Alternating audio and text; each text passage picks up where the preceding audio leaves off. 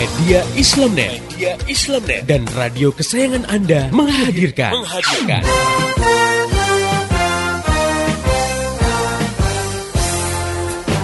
Voice of Islam. Voice of Islam. Voice of Islam.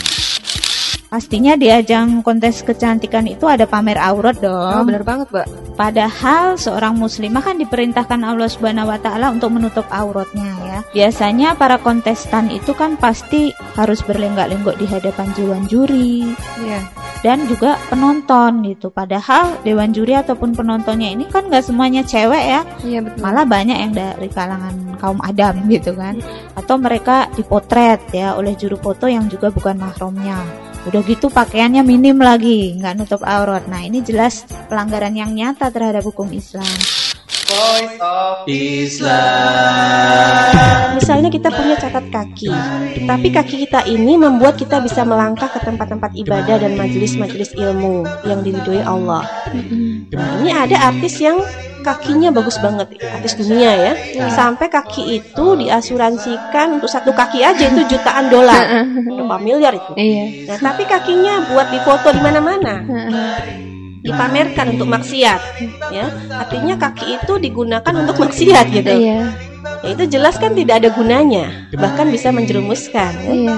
Makanya yang namanya fisik itu sudah karunia ya kita harus bersyukur. Al-Quran sudah mengingatkan sedikit sekali orang yang bisa bersyukur. Jadi bisa bersyukur itu itu adalah sesuatu yang sangat mahal.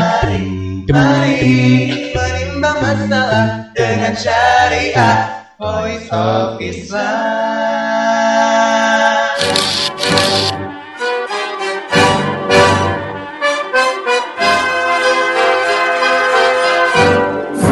of Islam. Voice of Islam. Voice of Islam.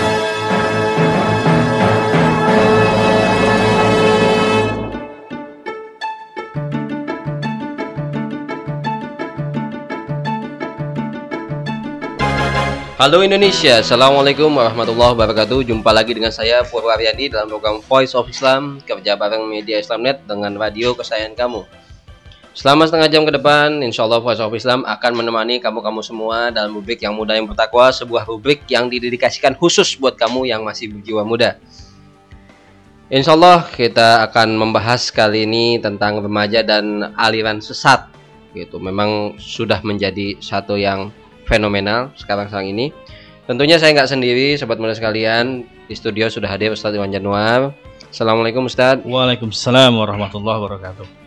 Nah Ustadz, kalau kita lihat yang namanya remaja dan aliran sesat ini, ini udah jadi satu yang marak ya. Bukan hanya eh, dominasi golongan-golongan yang sudah lumayan berumur saja yang terjebak gitu. Hmm. Kemarin juga sempat ada anak-anak sekolah, anak-anak eh, kuliahan yang juga terjebak dengan aliran sesat. Nah, kalau kita lihat Ustadz, sekarang gimana sih kita menyikapi, menanggapi banyaknya munculnya aliran-aliran sesat di Indonesia ini Ustadz? Hampir segala wilayah Ustadz. Bismillahirrahmanirrahim. Assalamualaikum warahmatullahi wabarakatuh. Sobat muda yang berbahagia dan juga moga-moga dilindungi oleh Allah Subhanahu wa taala ya. Eh, ngeri memang betul sekarang ini ada biasa kasus-kasus eh, remaja terbawa dalam aliran sesat. Malah kalau kita baca tuh di media massa banyak remaja yang belum pulang ke rumah. Orang tuh masih nyari karena mereka katanya ikut pengajian anu gitu ya, berminggu-minggu bahkan berbulan-bulan. Nah, kenapa kok muncul ya? Mungkin pertanyaan kita kelompok-kelompok seperti ini. Nah, ini bisa jadi karena modal nekat ya. Jadi maksudnya ada orang-orang yang pemahaman agamanya terbatas tapi coba-coba bikin penafsiran-penafsiran agama.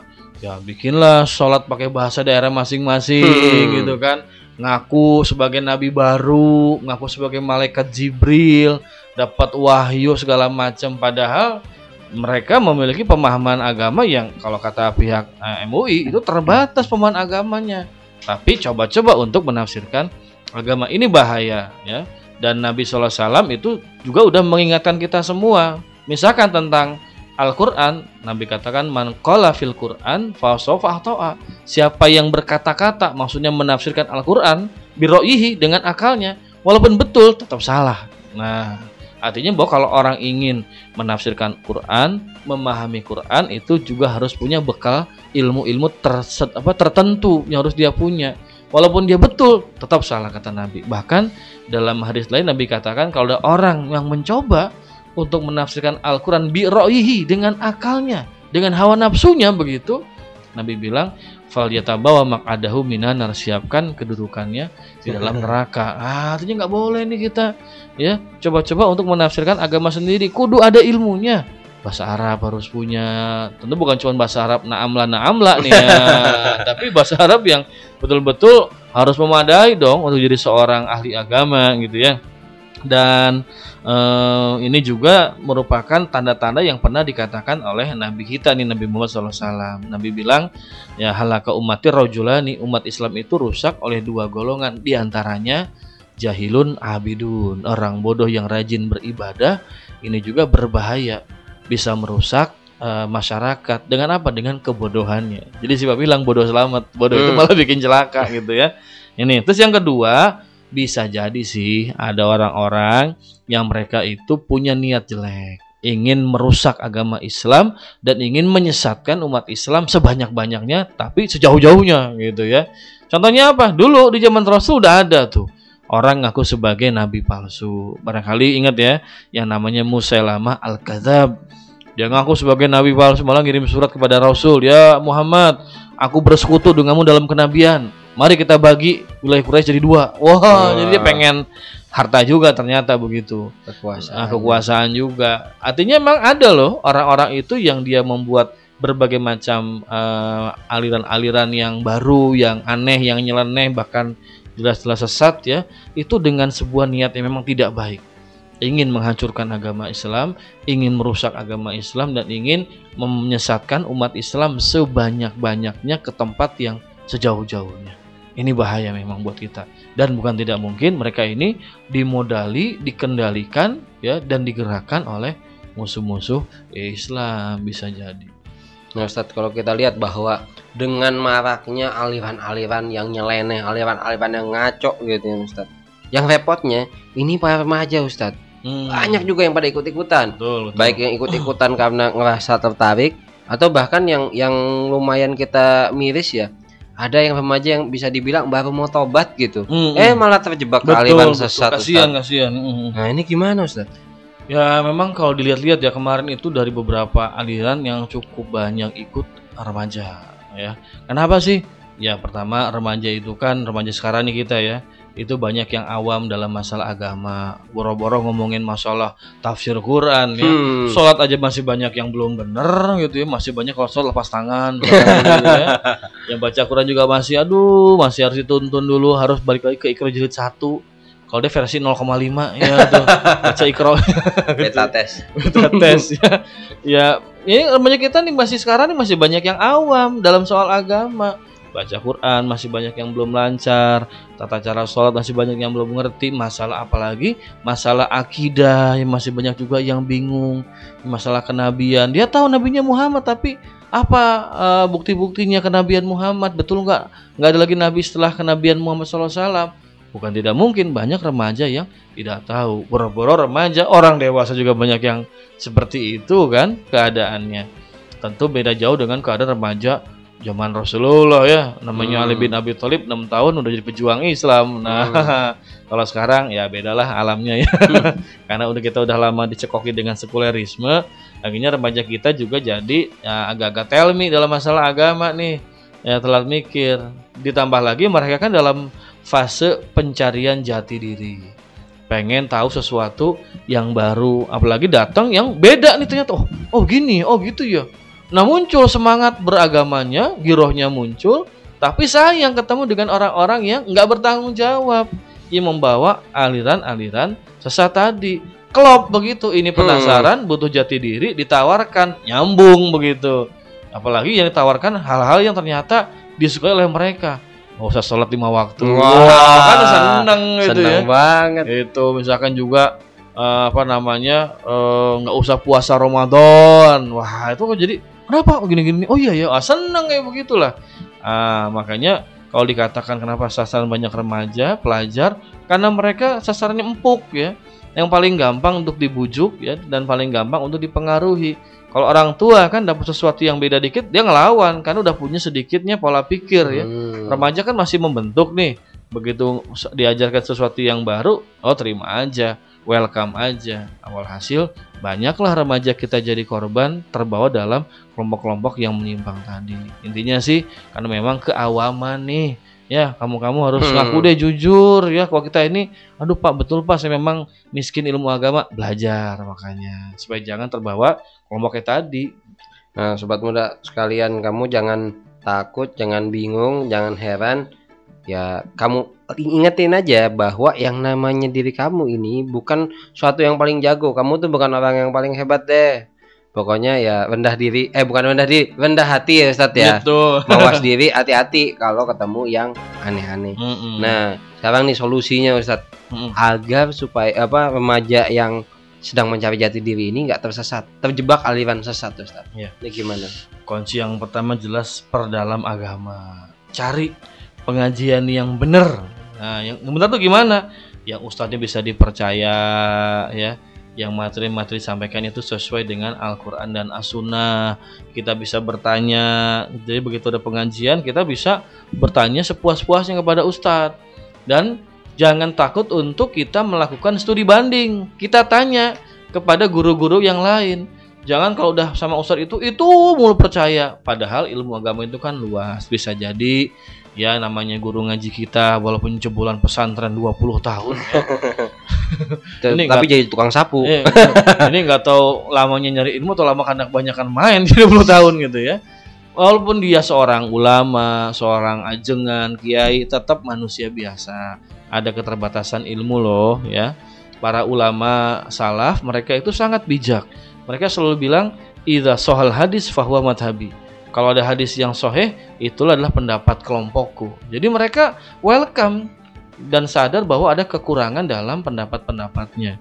Makanya pentingnya kita ngaji dan bertanya kepada banyak orang yang kita percaya mereka punya ilmu yang mumpuni supaya kita jadi punya eh, pemahaman yang kaya, banyak wawasan.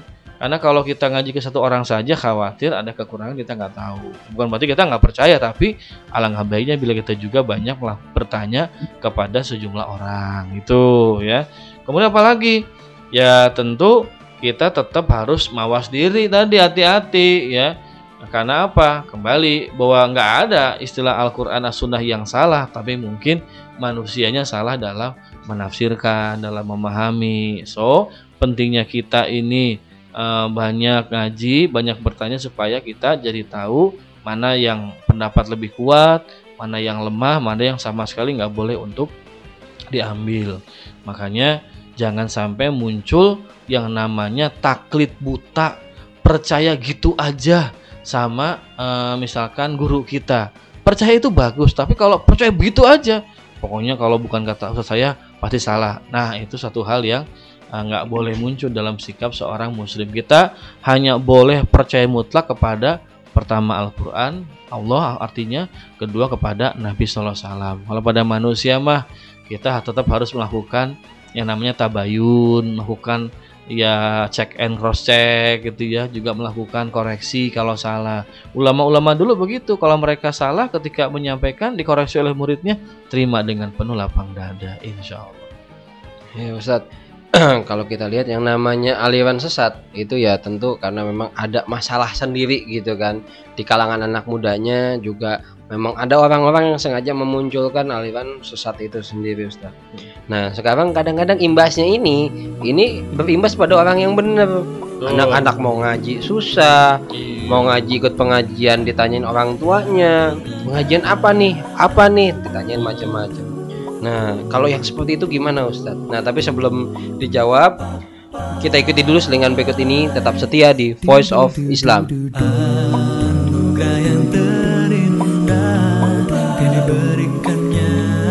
Kepada seluruh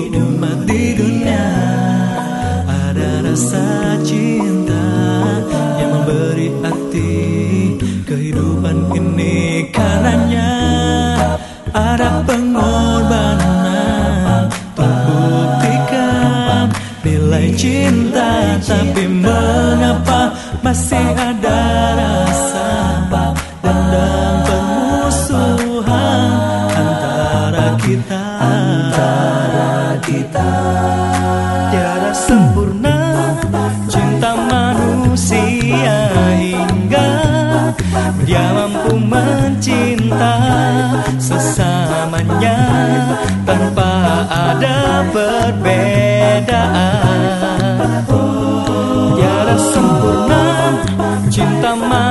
Manusia tanpa berbagi rasa kasih suci anugerah yang indah.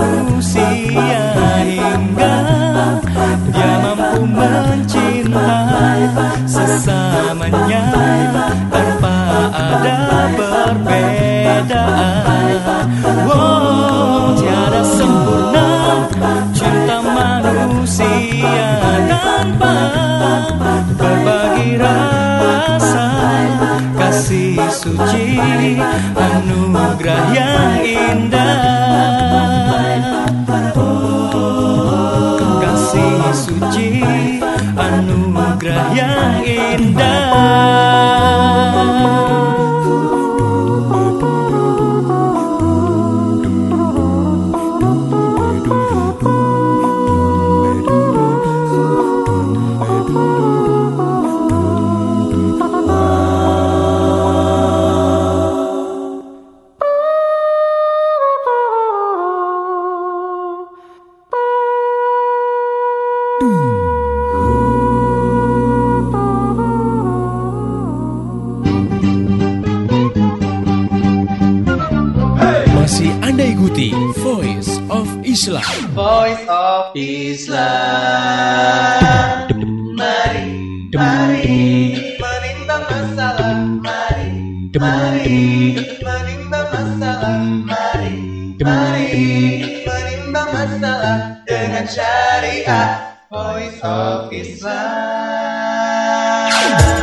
Voice of Islam. Voice of Islam. Voice of Islam.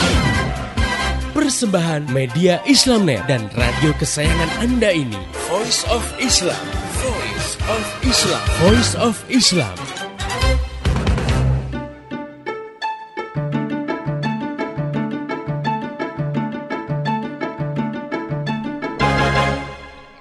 Masih di Voice of Islam kerja bareng media Islamnet dengan radio kesayangan kamu.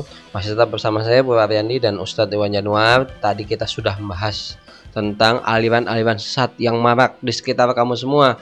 Bukan hanya monopoli kaum-kaum yang sudah dewasa tapi remaja dan anak-anak muda juga banyak yang terjebak, banyak yang tersesat mengikuti aliran-aliran yang nyeleneh-nyeleneh ini Ustadz. Nah, tapi kalau kita lihat tadi itu gimana pengaruhnya dengan teman-teman nih sobat muda sekalian yang pengen bener-bener ngaji dan yang ngajinya bener Ustadz Mm-mm. kadang-kadang kan orang tua itu apalagi orang tuanya kalau awam Ustadz ya Iya. itu disamaratakan wah itu pengajian nggak bener semua pengajian nggak bener kamu mendingan dugem deh daripada ngaji gawat ya. dugem pasti nggak benernya Ustadz Jadi cari yang pasti aja ya. tapi yang pasti Aduh, aduh, aduh.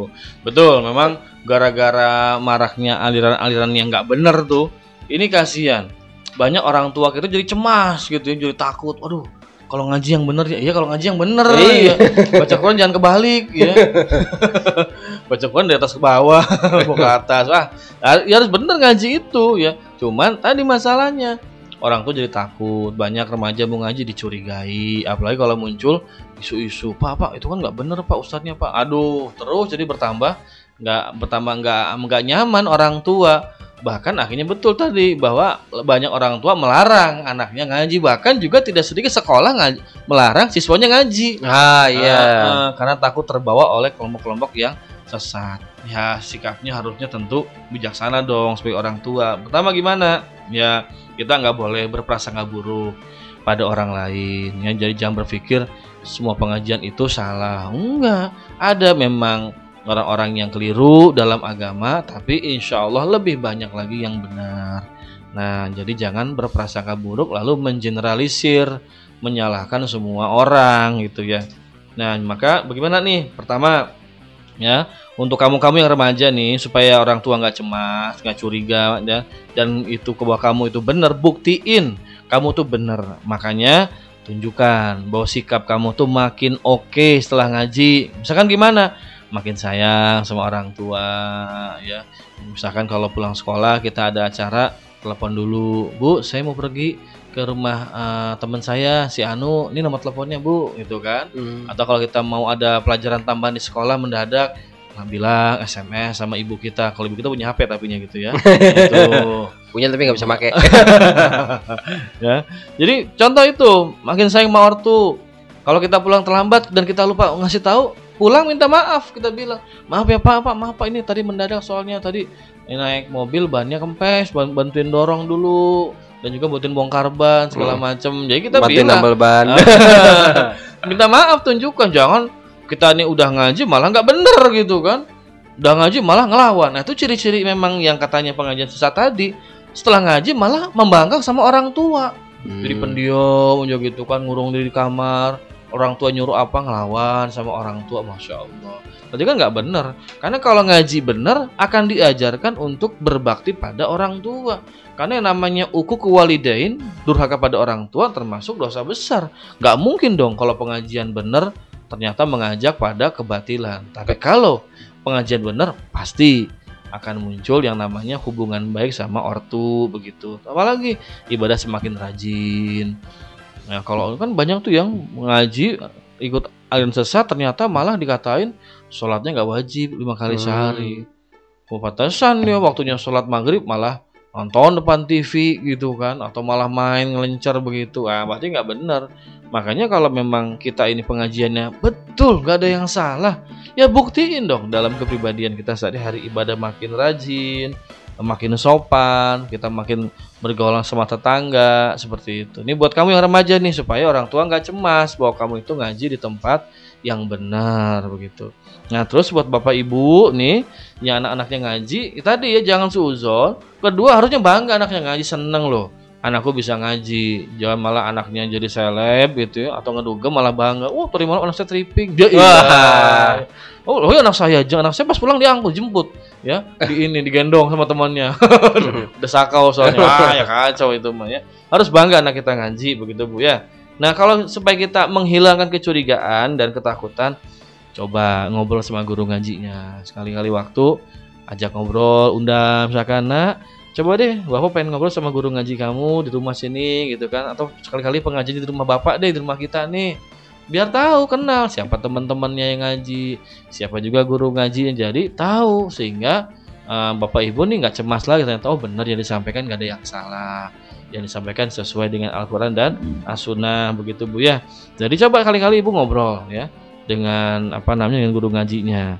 Terus juga nah ini buat para ortu nih buat ibu dan bapak juga dicoba harus banyak bertanya kepada anak. Anak kalau ngaji apa aja yang dibahas? Tanya seperti itu supaya kita tahu dan buat kamu-kamu nih yang remaja kalau ortu nanya masalah materi pengajian jawab dengan jujur jangan ada deh. Nah. Ah, Bapak pengen tahu aja, ah udah tua. ah. Wah. Oh, kalau gitu gimana orang tua bisa percaya? ya. Maka dua-duanya nih buat kamu yang remaja juga tunjukkan sikap yang semakin baik, semakin sayang sama ortu. Nah, buat ortu juga Bapak dan Ibu harus ya menghilangkan kecurigaan dan supaya hilang rasa curiga panggil aja guru ngajinya ngaji di rumah sekali-kali biar tahu apa yang dibahas apa yang disampaikan. Insya Allah ya kalau anak kita ngaji pasti di jalan yang benar. Makanya juga bapak ibu banyak-banyak berdoa deh. Minta kepada Allah supaya keluarga kita ini dijaga dari godaan-godaan setan yang terkutuk.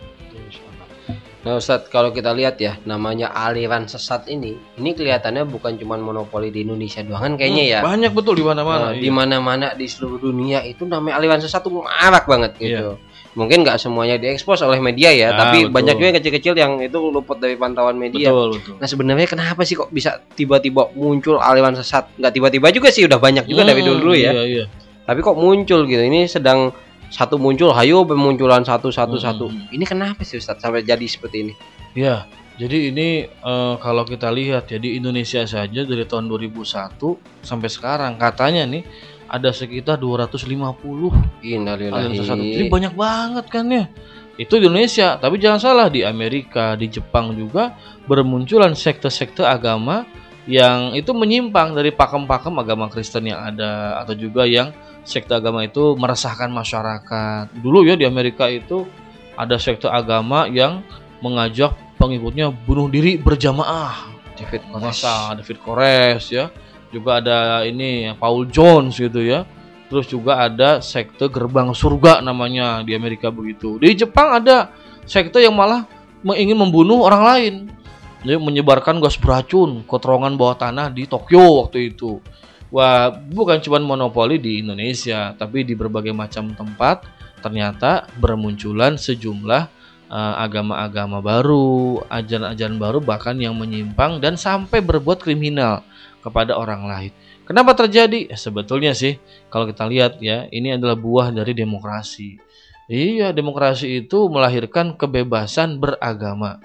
Nah, kalau saya nggak lupa nih, Franklin Delano Roosevelt pernah dibilang bahwa salah satu bagian dari demokrasi dan hak asasi manusia adalah freedom for religion, bebas untuk beragama, menjalankan agama, berpindah-pindah agama, atau tidak tidak beragama. beragama atau bikin agama. Hmm. Ah, ini dalam negara demokrasi dan HAM bikin agama itu boleh-boleh aja.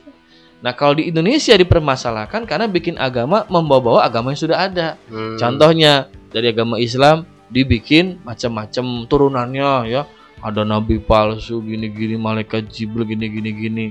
Nah, padahal kalau dalam ajaran demokrasi dan HAM yang orisinilnya itu bebas mereka. nggak ada persoalan mau bikin agama baru, ya boleh-boleh aja.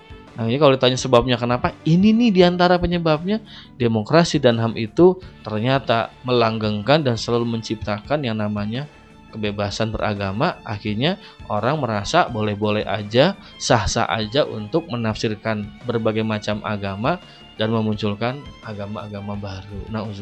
Dzalik. Makanya kembali pada Quran dan Sunnah deh.